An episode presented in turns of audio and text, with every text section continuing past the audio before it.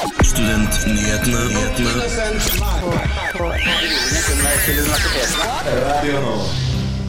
Hei og velkommen på denne nydelige fredagen. Klokka er 11. Det betyr at det er studentnyhetene som skal eh, hva skal jeg si, råne lufta den neste timen. Mitt navn er Selma Bull. Eh, med meg i dag har jeg Kristin fra Skumma kultur. Hallo, hallo. Eh, veldig gøy du ville være med oss i dag. Bak spakene er det Elisabeth som styrer, eh, og vi skal snakke om litt forskjellig i dag. Eh, vi skal blant annet snakke eh, Eller vi har allerede intervjuet Maika Marie Godal Dam, som er en av de to lederkandidatene til Norsk studentorganisasjon. Oi. Ja. Eh, regjeringen har jo også lagt frem et lovendringsforslag for eh, universitets- og høyskolesektoren, basert på en rapport fra Hatlen-utvalget, og vi skal oppsummere den for dere. Vi skal også snakke litt om hva de største politiske skandalene har vært jeg gleder meg. i, ja, eh, i norsk politikk, da. Eh, så vi skal snakke litt om våre favoritter. Kan du ikke gi meg et, et, et, tre stikkord om disse skandalene? Selma? eh, Hyttetur, Mm. SMS og litt metoo. Ja. ja, ja. Eh, og så skal vi, siden vi har med oss Kristin, så tenkte vi kunne snakke litt om hvor bra kulturtilbudet for studenter egentlig er i Oslo. Eh, det er med andre ord litt av en godtepose eller påskeegg, kan vi jo si i der er det du god. Nei, altså Vi skal fortsette å være en tydelig stemme. For studentene i Oslo og Akershus. Det er jo ikke alle som merker det. Studentnyhetene. Vi fremmer studentenes interesser. Forrige uke hadde vi besøk av Bjørn Olav Østeby, som er en av to eh, som kjemper om ledervervet i Norsk studentorganisasjon. Denne uken så har vi snakket med Maika Marie Godal Dam, som også er kandidat. Det intervjuet skal vi høre nå. Ja, mitt navn er Maika. Jeg er 25 år og har studert sammenlignende politikk ved Universitetet i Bergen. Og sitter nå som leder for eh, Velferdstinget i Oslo og Akershus. Hva er eh, hovedmotivasjonen din til å søke til ledervervet i NSO? Hovedmotivasjonen min til å stille som leder for Norsk studentorganisasjon er jo ikke sant, Jeg har lyst til å kjempe studentenes sak. Jeg har lyst til å være en, en tydelig og sterk stemme for den norske studentbevegelsen. Og sikre de politiske gjennomslagene som, eh, som vi lenge har jobbet for. Eh, Og håper jo selvfølgelig at, at vi kan få til eh, store ting i året som kommer. Mm. Og eh, du har jo mange erfaringer fra politikk og studentpolitikk, så vi skal ikke gå inn på alt, men jeg lurte på om det er kanskje én erfaring du vil trekke fram som du tror gjør deg spesielt egnet, og, og hvorfor den erfaringen? Vet du hva, Den kuleste erfaringen eh, jeg syns selv at jeg har med meg, er kanskje fra Sentralt ungdomsråd i Oslo. Som er Ungdomsråd er det offisielle høringsorganet for eh, kommuner og, og fylker og ja. Eh, der fikk jeg jobbe med liksom, saker som påvirket mange mennesker. Og fikk lov til å representere da, en gruppe, eller ungdom, på tvers av eh, politiske skillelinjer og, og interesser og bakgrunner. Eh, det var veldig, veldig kult. Eh, jobbet bl.a. med Bilfritt sentrum i Oslo, som vi nå eh, ser at begynner å bli en virkelighet. Det er veldig kult. Ja, så litt sånn felles med dette parti... Det er ikke partipolitisk og mm, yngre menneskers interesser og sånn. Mm. Um, ja, så lurte jeg litt på Eller noen ting i søknaden din. Du skriver bl.a. at NSO skal i større grad være med å sette dagsorden og drive fram debatter. Og hvordan vil du være med på å sørge for at det skjer? Jeg tenker at NSO har stort potensial til å være litt tøffere og litt røffere i kantene. Eh, være tydelig på å fortelle studentenes historie. Eh, og ja, være sant, litt mer eh, Ha litt mer guts da, ute i debattene og si kanskje noen ting som, eh, som skaper debatt. Eh, der opplever jeg at, eh, at NSO har jo liksom mye bra politikk, men mye av det er også ting vi har sagt før. Jeg tror vi må tørre å utfordre oss selv litt grann, som organisasjon, også på hvordan vi eh, fremstiller oss selv i, i media, og, og hvilke debatter vi tar. da. Eh, og hvor, eh, hvor medgjørlige vi kanskje er til enhver tid. Mm. Hvilke debatter mener du da at vi må ta nye debatter, eller hvordan vi tar de debattene? Begge deler. Jeg tenker at vi både må, eh, må tørre å være litt skarpe i tonen på de debattene vi allerede eh, er en del av. Altså, vi har jo snakket om studiestøtte i lang tid, og selvfølgelig skal vi fortsette å snakke om studiestøtte. Ingen tvil. Eh, men der også kan vi, kan vi godt tørre å, tørre å bruke en litt annen retorikk, kanskje. Eh, og være eh, Fortelle flere av de historiene fra studentbevegelsen. Sette litt, eh, litt et nytt lys på, på saken vår også. Og så tenker jeg at det er noen ting som eh, det er potensial til å snakke mer om. Så nå har vi jo vært gjennom en pandemi, og vi har sett hvordan digital kompetanse bare har økt eh, på universiteter og høyskoler og blant studentene. Og det å være litt på i de debattene om hva er det vi tar med oss av den digitale kompetansen, og hva er det vi ikke tar med oss, og så tørre å si at Nei, vet du hva, det er noen ting vi ikke skal ta med oss fordi det går på bekostning av Hvis vi f.eks. kanskje et søkt eksempel, men begynner å avlyse forelesninger fordi de tas opp digitalt, ja, da mister man eller nedgraderer det tilbudet studentene har. Og her tenker jeg at vi også må være, være tydeligere utad på, å sette noen grenser. Da. Hva er det som er ok for studentene? Hva er det som er bra for oss studenter? Eh, tørre også å være med i, i, litt vanskelige og tekniske debatter. Eh, og være litt eh, råere og tøffere på, på, noen av de tingene vi, vi allerede står for. Mm. Og du gikk litt inn på det egentlig nå, men om du kanskje kan utfylle litt. Eh, fordi Eh, som du også nevner i søknaden, så har jo NSO fått gjennomslag for noen enkeltsaker, f.eks. strømstøtte for studenter og sånn. Mm. Eh, men, men, når det kommer til liksom, større, kanskje, da, eh, eller ja eh, større økonomiske sånne politiske gjennomslag, som f.eks. studiestøtten, så er jo det lenge en stund siden den har blitt økt. Og også hans nåværende minister Ola Borten Moe har jo også sagt at han ikke kan love at det blir en øking av studiestøtten. Så du kom litt inn på det, men er det ja, om det er noe man eh, burde gjøre annerledes i disse typer sakene man har kjempet for lenge for å få dette gjennomslaget, eller noe man kan gjøre annerledes, eller om det er noe du ønsker å gjøre annerledes? Jeg tenker Noe av det viktigste å gjøre for å sikre liksom, disse store politiske gjennomslagene, er å øke presset rundt ministeren og rundt regjeringen. Sørge for at presset fra de andre partiene på Stortinget og fra andre aktører, og ikke minst fra studentbevegelsen, er så stort at man ikke kan velge å ta altså at man ikke kan velge å ikke ta stilling til det. Eh, det er jo selvfølgelig noe man har prøvd på før.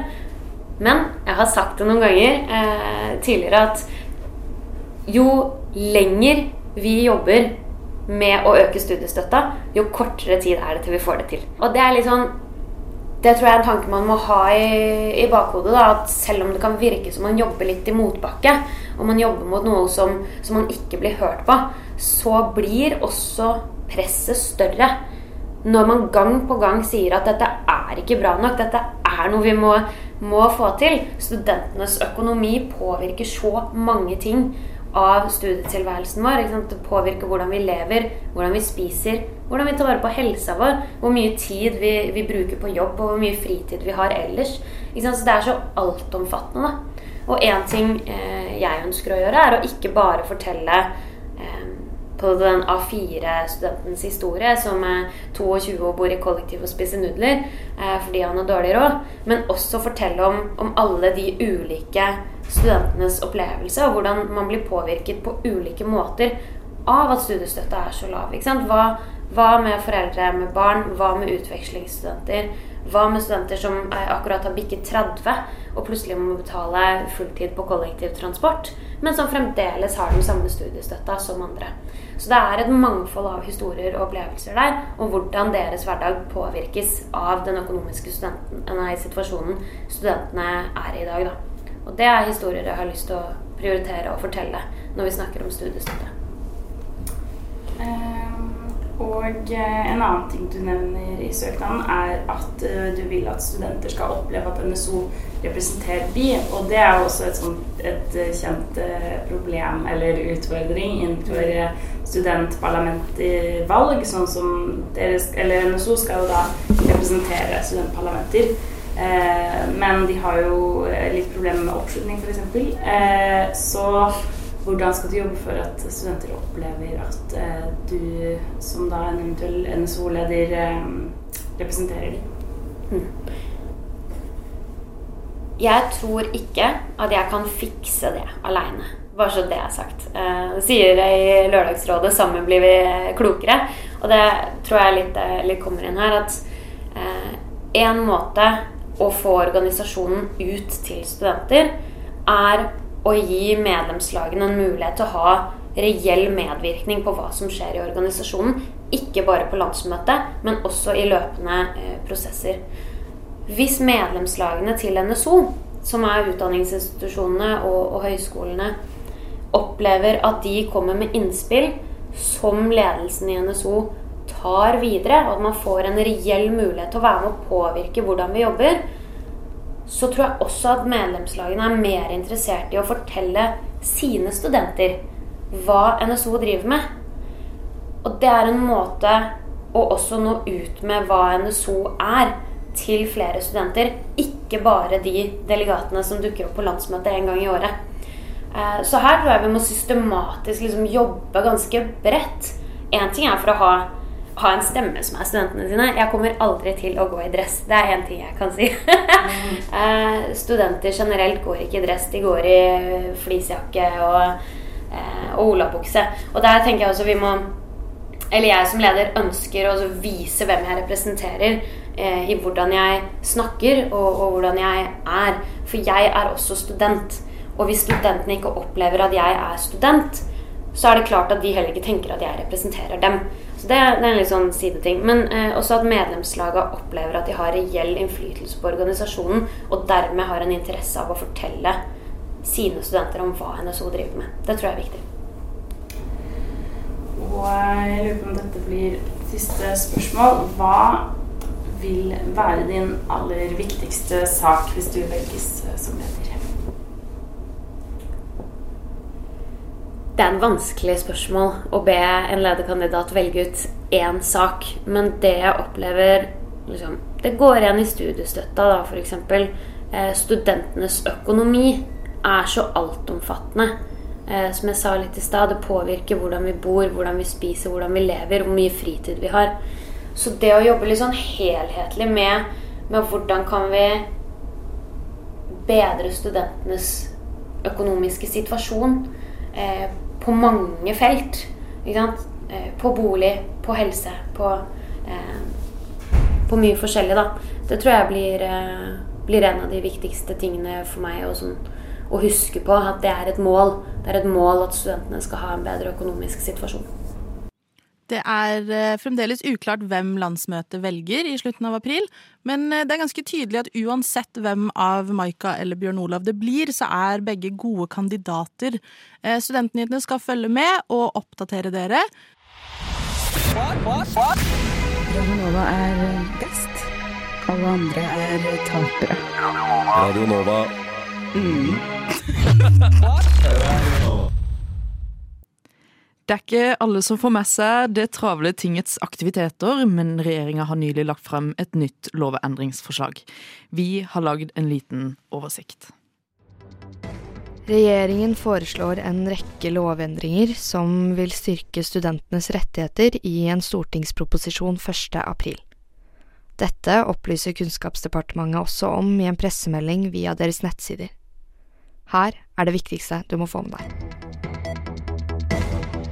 Lovendringene innebærer bl.a. styrking av rettigheter rundt fødsel og graviditet ved å sørge for ekstra tilrettelegging for studenter i slike situasjoner. Det skal også innføres overordnede nasjonale regler om permisjon for studenter med særskilte grunner, eksempelvis studenter i militærtjeneste, i politiske verv og de som driver med toppidrett. I tillegg foreslår regjeringen at det tilrettelegges for at studenter ved private institusjoner skal kunne velge valgfritt skriftspråk på eksamensoppgaver. Det foreslås også en forflytning av en rekke oppgaver fra NOKUT, Nasjonalt organ for kvalitet i utdanningen, til Direktoratet for høyere utdanning og kompetanse. Blant oppgavene som forflyttes er godkjenning av utenlandsk fag og yrkesopplæring. Spesielt interessant er også at den omdiskuterte tosensorsordningen utsettes frem til en ny universitets- og høyskolelov utredes i 2023. Norsk studentorganisasjon har opplyst Krono om at de er svært misfornøyde med utsettelsen, og at tosensorsordningen vil kunne bidra til å styrke rettssikkerheten til studentene. Leder for NSO, Tuva Todnem Lund, har offentlig kritisert ordningen en rekke ganger og har kalt utsettelsen for håpløs til VG. Selv om ordningen fortsetter slik den har vært inntil videre, foreslår imidlertid regjeringen å lovpålegge universitetene til å ha flere klagenemnder, slik at saker kan behandles i flere instanser, slik som den ønskede tosensorsordningen aspirerer til. Kildene brukt i gjengivelsen av lovforslaget er regjeringens hjemmesider og Krono sin artikkel publisert mandag 4. april. Vi elsker rettssikkerhet for studenter og håper å høre mer om tosensorsordningen til neste års eh, angivelige gjennomgang av universitet- og høyskoleloven. Reporter i saken var Shilan Sari. Jeg gleder meg. Jeg skal tenne lys, kjøpe blomster til meg selv. Og jeg skal ta med alle klærne. Har du vært på radio før, eller? Radio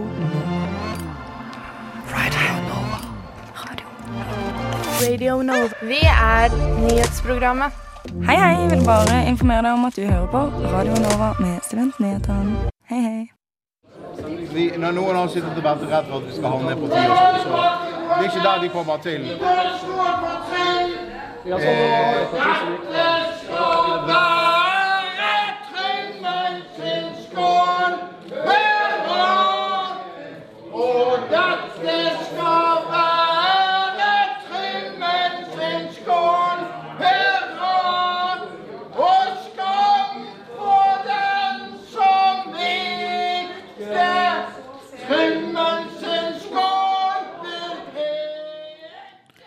Der hørte du altså eh, en ukjent mann som iherdig prøver å skåle for Trymmen. Men hvem er egentlig Trymmen, Kristin? Åh, eh, det er så deilig at jeg får lov til å snakke om den personen som har betydd mest i mitt liv. Eh, nemlig Trym Aafløy. Hvem er han? Eh, tidligere leder for FNB, bompengepartiet i Bergen. Eh, og han stilte jo til eh, valg i 2019 som, kandidat, ja, som førstekandidat for bompengepartiet. Og kom inn med hele elleve kandidater eh, i bystyret. Det er altså brakvalg. Ja, brakvalg på den ene saken de hadde som var bompenger. For det er jo jævlig kjipt å stå i kø inn og ut av Bergen sentrum. Det må vi jo. Og han er jo en karakter. Jeg vet ikke hva slags forhold du har til baby Trym Aafløy. Eh, ikke noe mer enn at det året hvor det klikka bompengemessig, så skrev Mm. jeg eksamen om FNB. Og okay. da, den dagen jeg skulle levere, så hadde de gått enda høyere opp, så jeg måtte inn og endre på eh, tallene i teksten min. Mm. For de var jo Jeg tror det var sånn type eh, Ap, eh, FNB, MDG typ, som hadde, gjorde det veldig bra i, i Bergen det året. Eh, og han har jo, etter han ble valgt inn, blitt psycho. Jeg føler jeg kan få lov til å si det. Jeg konkluderer med at han, det har klikka litt for Trym Aafløy. Ja. Uh, guttene har hatt det bedre. Uh, han har da, uh, etter han ble valgt inn, både meldt seg ut av FNB, som han gjorde i 2020, da han under en eventuelt bolk i bystyret gikk opp på talerstolen og var bare sånn ja, jeg vet, jeg vet jo at vi snart slutter bystyremøtet, men jeg vil bare, bare si at jeg, jeg melder meg ut mitt. Eh, men når han gjør det, er det fordi at han skal ut av politikken, eller skal han starte enda et parti? Nei, han bare mente eh, de brydde seg litt for mye om bompenger i bompengepartiet. Ja, i Eh, Folkeaksjon Nei til mer bompenger. Ja. Eh, Så da gikk han ut, og han, hadde ikke sagt noe til sine partifeller på dette tidspunktet. Men han tenkte at jeg må bare informere hele bystyret om at jeg skal gjøre dette. Jeg må bare skje nå. En rar måte å melde seg ut på, syns jeg, da. Ja, eller et skikkelig mic drop, da. Ja. Så det ble jo tatt under den eventuelt bolken, og eh, siden han meldte seg ut, så har jo også bare gått ned for han. Han har jo vært med i en rekke skandaler, eh, blant annet Vinbargate. Ok, hva, hva skjedde da? Jeg husker, eh, jeg husker bare litt av denne rare gaten fra Dagsnytt 18, der han stilte opp eh, mot en av sine ansatte, hvis jeg husker riktig. Eh, der han måtte svare på en anklage om at han hadde gått hjem til eh, sine ansatte og s- prøvde liksom dra de med på jobb når de hadde sagt at de var syke, til denne vinbaren. eh, Som er en vinbar i Bergen som jeg tror har lagt ned. De driver med vin og sjokolade. En veldig rar kombo. Veldig, veldig skummelt at uh, dine, dine kjærligheter i livet på en måte er bompenger, vin og sjokolade.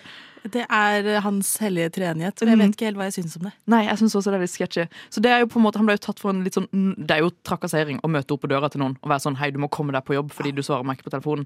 Og faktisk kalle de uh, bitch og så videre. Det er ikke, det er ikke helt greit. Nei. Og en annen ting jeg husker Trymme for, for han, han kan jo egentlig ikke så mye om politikk, denne, denne søte mannen. Hva? Mm. Det eneste han er, at møter opp i sånn lang, eh, hot eh, skinn, eh, skinnjakke.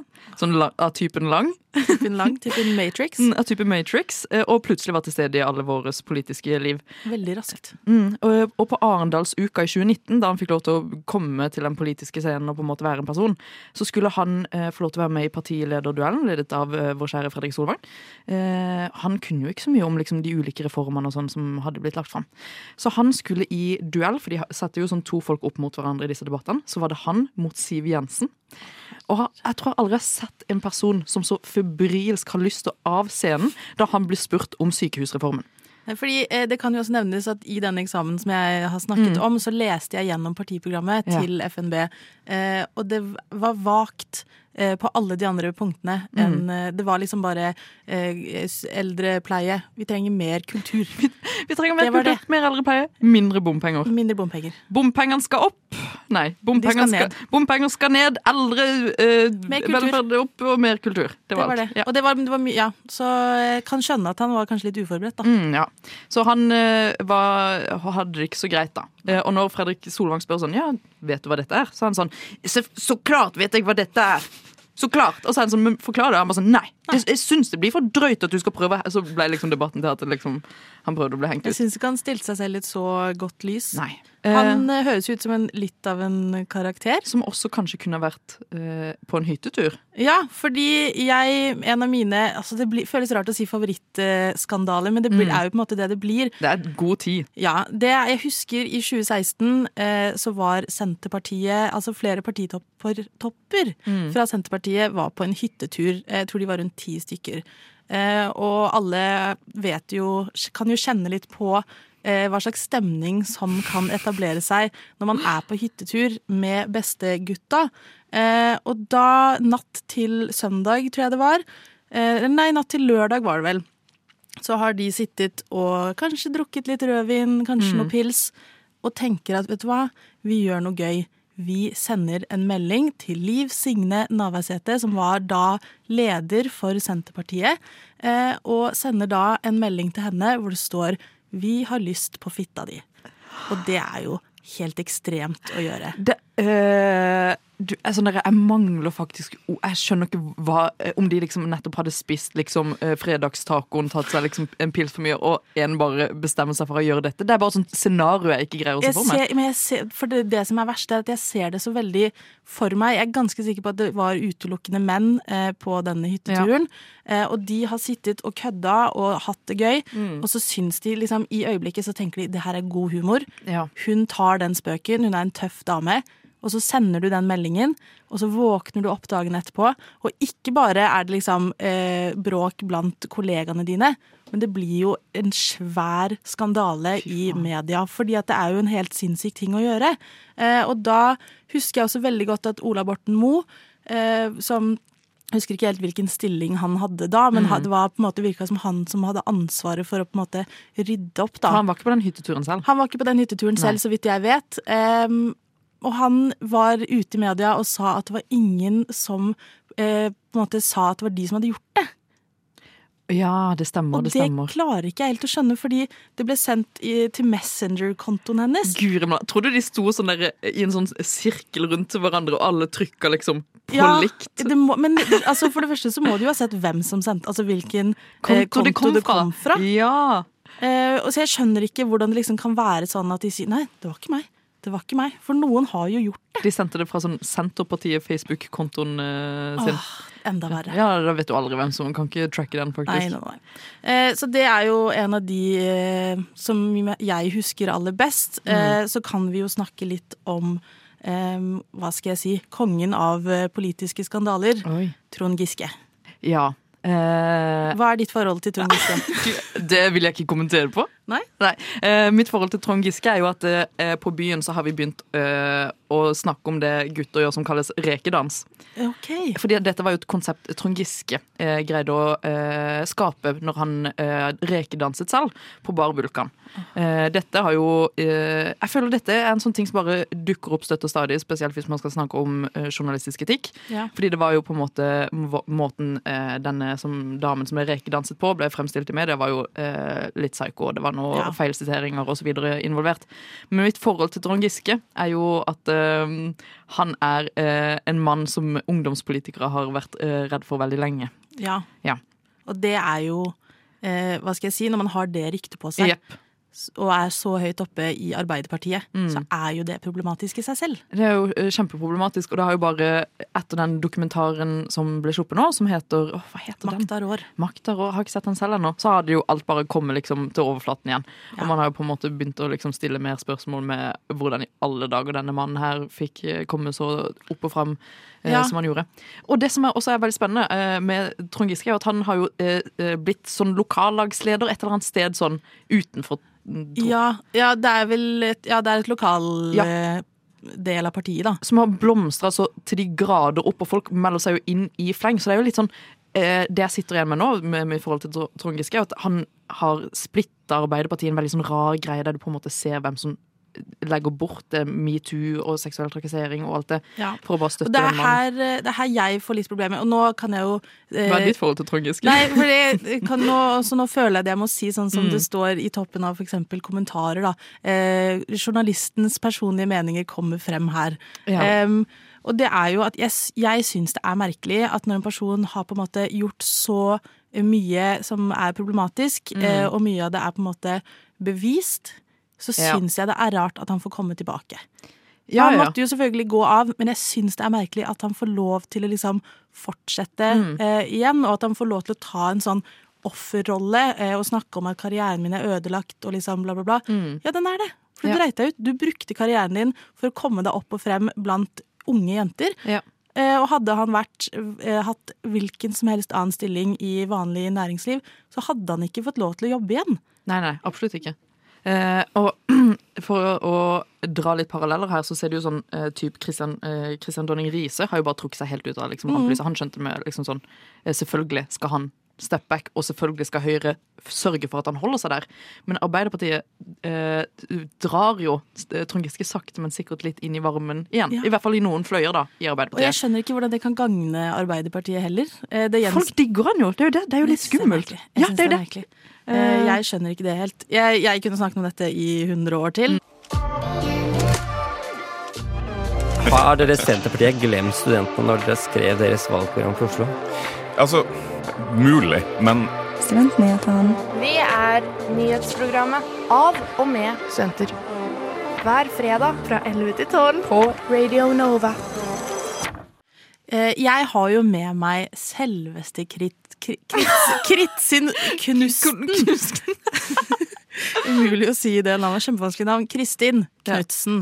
Eh, fra Skumma kultur. Eh, så jeg tenkte, siden du er mitt lille kulturorakel, at vi kunne snakke litt om kulturtilbudet eh, i Oslo for studenter. Hva tenker du? Hva er mitt forhold til, Hva er ditt forhold til kultur? Er det bra nok? Eh, absolutt ikke. Um, eh, det er, Oslo har eh, et, veldig bredt eh, Masse spennende som skjer. Kulturliv og florerer. Og jeg har sagt florerer altfor mye. Det er sånt, Av og til så får jeg sånn oppheng på sånne ord, men det er en annen sak. Det er en annen sak. Det er en annen tid. for en annen tid. For skummakultur, kanskje. Um, nei, men det er jo absolutt mye ting som skjer i kulturlivet i Oslo, grunn, det som er Herregud, jeg fikk litt slag nå. Det som er grunnen til at det ikke er bra nok, er det det du prøver å si? Ja, er at det er veldig dyrt, da. Ja. Det er mye som eh, er litt dyrt, men det er jo selvfølgelig litt sånn små, rare eh, ting som skjer litt rundt forbi, som er på en måte litt sånn skattejakt å finne de, da. Og det er jo litt gøy. Mm. Men er det ikke mange av de stedene som eh, er dyrt, som har studentpriser? Jo, det var Selvfølgelig er det gode studentpriser mange steder også, men de har begynt å bli ganske høye, de også. Det, var sånt, det er sånt nytt museum som er sånn hipt og kult, som jeg ikke husker navnet på, eh, som har eh, begynt å florere Florere Er det det igjen? som er sånn derre eh, optisk illusjon-greier? ja, ja, ja, der du kommer for å ta bilder. Noen snakker om det på Skumma, så dere får høre på Skumma kultur hvis dere har lyst til å vite hva det heter. Men der var uh, studentprisen eh, 290 kroner. 290 kroner? Og det er kjempedyrt for å gå og se uh, være på et Cirka museum. fem middager, det. Ja, det er ca. fem middager, eller uh, tre pils, fire Ja. pils på byen. Um, eh, og du kommer der, og så liksom, når jeg går på museum, så er jeg der i typ en time, og så går jeg rundt og ser og tar et bilde og legger ut på My Story, liksom. Eh, as you do. Eh, og skal jeg betale 300 kroner, som er studentprisen for det? I think not. Så det finnes jo andre greier å gjøre, som, Som også er helt gratis. Mm, gratis. Eh, som blant annet deg har jo begynt med en eh, fast torsdagsting, Ja. eh, Selma. Eh, og for folk som er glad i god musikk, så er det jo mye litt sånn smågratiskonserter som skjer rundt i, på Oslos barer. Og den vi har begynt å like veldig godt, er jo Soul Night. Ja, Soul eh, Night. på Feber. Jeg må nesten si shout-out til Henrik Evensen, som har introdusert oss for dette. Mm. Men det er jo veldig gøy, og det er en ting som skjer fast hver torsdag. Ja. som da gjør at det er lett å forholde seg til.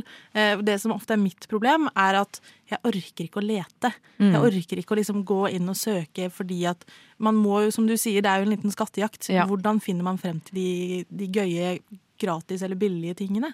Eh, det jeg har begynt å gjøre eh, for å på en måte prøve å finne ut av hvor liksom sånn, eh, litt fete artister spiller når de, på gigs når de ikke skal ta betalt, er å følge masse sånn små barer og sånn kafeer som holder oppe og blir litt sånn rare vinbarer om kvelden. Og da mitt hot tips, som er litt, litt kanskje underground denne helgen her, at for eksempel Vilde Tuv Ja. eh, som er en sånn kul blokkfløyteartist fra Bergen, skal spille konsert eh, for free, eller ha sånn DJ-sett da, eh, på eh, Kafeteria August på lørdag. Eh, fra sånn klokka syv-åtte. Og det er jo bare masse, sånn På Oslo VL også så ser man jo støtt og stadig at eh, Fred Fades og Even Av eh, kommer innom for å spille DJ-sett. Så det er jo på en måte sånn It's free. Eh, pilsen er dyr, da, men du får sett kule artister som egentlig tar ganske mye cash for eh, konsertene sine på, når de har liksom eh, rigg og til på f.eks. Parkteatret. Eh, at de skal ta ganske mye. Får du sett gratis. Ja, det er jo genialt. Mm, det er jo kjempegenialt. Man må jo bare betale for denne dyre naturvinen som man får eh, servert i et glass. da. Men det er jo Ja. også eh, gode konserter og på en måte en god vibe. Ja, og så er det Altså, nå er jo pandemien så å si over. Eh, så jeg tror at eh, det er veldig viktig å komme seg ut. Man må ikke liksom sitte inne, og da er det jo flott å vite om sånne tilbud som f.eks. Soul Night på Feber. Eh, At du kan gå. eh, Det begynner jo klokka ni. Så det trenger ikke å bli en så sen kveld heller hvis du har forelesning eller skal på jobb på fredagen dagen etterpå. Drikke to-tre øl, høre på bra musikk, eh, og så gå hjem. Men utenom dette, hva er dine favorittkulturting å gjøre her i Oslo? Åh, nei, du må ikke stille med så store, åpne, rare spørsmål. Um, jeg tror mine favorittkulturting er å gå på sånne konserter jeg aldri hadde tenkt at jeg skulle gå på. Ja. Uh, jeg liker jo generelt sånn bare finne uh, ny, god norsk musikk. Uh, det trenger på en måte å være noe som er veldig etablert. Og en konsert jeg var på her forleden Jeg bare anbefaler bare plutselig kjøpe billetter og se bare falle inn. Det er gøy. Ja. Hør en eller annen sang og så bare tenk ok, nå skal jeg høre resten av albumet, og måten jeg skal høre dette albumet på, er å gå på konserten deres. Ja. For livemusikk er gøy. Eh, og jeg oppdaga uh, her forleden, jeg tror det var i begynnelsen av dette året, bandet Kombos, som spiller sånn der litt sånn uh, punkete popmusikk som er veldig gøy. Uh, og da hadde jeg bare hørt sånn type to av sangene sine, og så gikk jeg på Parkteatret og så de der. Eh, og det var jo sånne ting er veldig gøy. Ja. Det er min favoritting med Eh, mitt problem med å, høre musikk live først, er Mm. egentlig at hvis jeg da liker det veldig godt, så Ja. blir jeg ofte skuffa når jeg hører, hører det, Det ikke live etterpå. Hei, hei, hei, og velkommen til Studentnyhetene. Og velkommen til Studentnyhetene. Til Studentnyhetene. Til denne timen med Studentnyhetene. Til Studentnyhetene på Radio Nova. Og vi eh, beveger oss sakte, men sikkert mot slutten eh, for i dag. Men Slutten av livet. Nei, dessverre. Nei. Eller heldigvis. heldigvis Vi må holde på litt til, vi må holde på litt til.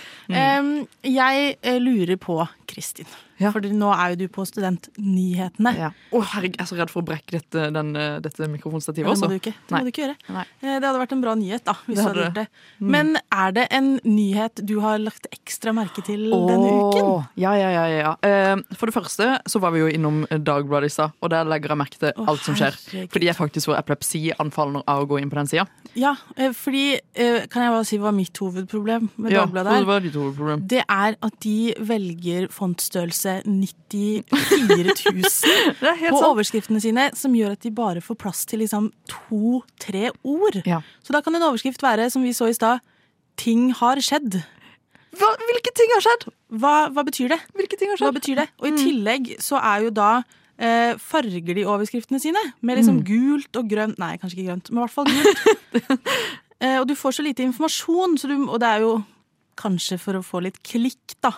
For du må jo da klikke deg inn. Mm. Eh, men hva, hva tenkte du på da, før jeg avbrøt deg? Nei, eh, det første jeg tenker på, for å ta en litt sånn overfladisk en, var jo eh, den Bahar-gaten. Ja. Barnegate. Barnegate. Barnegate. Som er, Barnegate som er at Bahare har lyst på baby. Ja. med vår alles Per Sandberg, som er en politisk skandale i seg selv. Han kunne vi sikkert snakka mer om. Men de, hun vil ha baby, og han er jo gammel. Ja, men er det en Altså, er det nyhetsverdig? Nei, absolutt oppi ikke. liksom det er derfor det er på Dagbladet. Ja, ja, ja. Så skal vi vite at Bahare, hun vil ha barn. Hun vil ha baby. Eh, man kan jo på en måte Kanskje det er uforsvarlig å få baby i denne verden vi lever i nå? Kanskje vi skal vinkle det på det? Ja, nei, men jeg tror ikke Dagbladet vil vinkle noen ting. De vil bare gå, gå rett på. Her finner jeg den, da. Mm. Har lyst på barn. Det er det. Ja. Flott overskrift. Nydelig. Nydelig bilde av Bahare. Ja, det er det selvfølgelig også. Mm. Hun er jo veldig pen. Eh, hun er det. Ja. Ehm, ja, men, men er det liksom en spesifikk sak? Som jeg har, ja, det er jo eh, en sak som faktisk eh, gjorde litt inntrykk, som jeg syns var veldig interessant. var en eh, sak jeg leste i Morgenbladet som handla om ho, ho Helene fra Helene sjekker inn på Ja. NRK. Eh, der hun har fått kritikk eh, av bl.a. den skribenten i Morgenbladet da, som hadde selv vært på en avdeling hun hadde sjekka inn på. På psykiatrien. Eh, og kritiserte hvordan hun gikk fram og framstilte de som var, hadde lagt seg inn ufrivillig eller frivillig på denne institusjonen. da. Mener du kritikken er berettiget? Absolutt. Har du sett på Helene Sjekkerin? Ja, jeg har det. Hun er eh, det, Jeg tror bare jeg liker ikke stilen hun driver eh, journal, eller liksom måten hun driver journalistikk på. Eh, Jeg syns hun prøver for hardt å være verdens aller beste Louis Theroux. Ja, hvem, Eh, hvem er han nå igjen? Han er en britisk BBC-dokumentarskaper. Sinnssykt flink. Det er han som har den der eh, rappen på Ja, TikTok nå. ja. My money Um, don't uh, jiggle jiggle.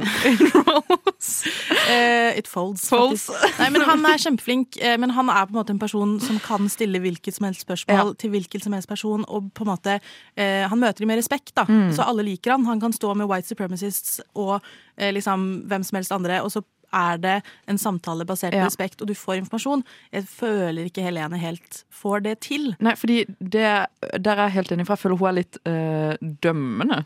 Ja. Eh, Men jeg tenker at nå skal vi dømme oss videre til fredagen, holdt jeg på å si. Nå er det snart helg. Dømme oss ut i Eh, helga. Ja, dømme oss ut i helga. Vi Mm. må avslutte nå. Takk for at du var med, Kristin Knutsen. Og takk for at du var bak spakene, Elisabeth. Takk for at du hørte på Studentnyheten i dag. Du må gjerne høre oss på podkast og følge oss på sosiale medier. Ha det bra, og god helg. Alle jeg nå trenger mer podkast. Du har hørt på Studentnyhetene i dag? Jeg hoppa litt i taket. Jeg var veldig overraska. Jeg hadde ikke forventa å ende opp eh, her, egentlig. Å, hyggelig. Jeg føler bare med å sette høye krav og kjempe for dem, da. eh, Og si at det her er ikke godt nok. Eh, Men tusen takk for at du har hørt på Studentnyhetene i dag. Jeg hadde ikke gjort det.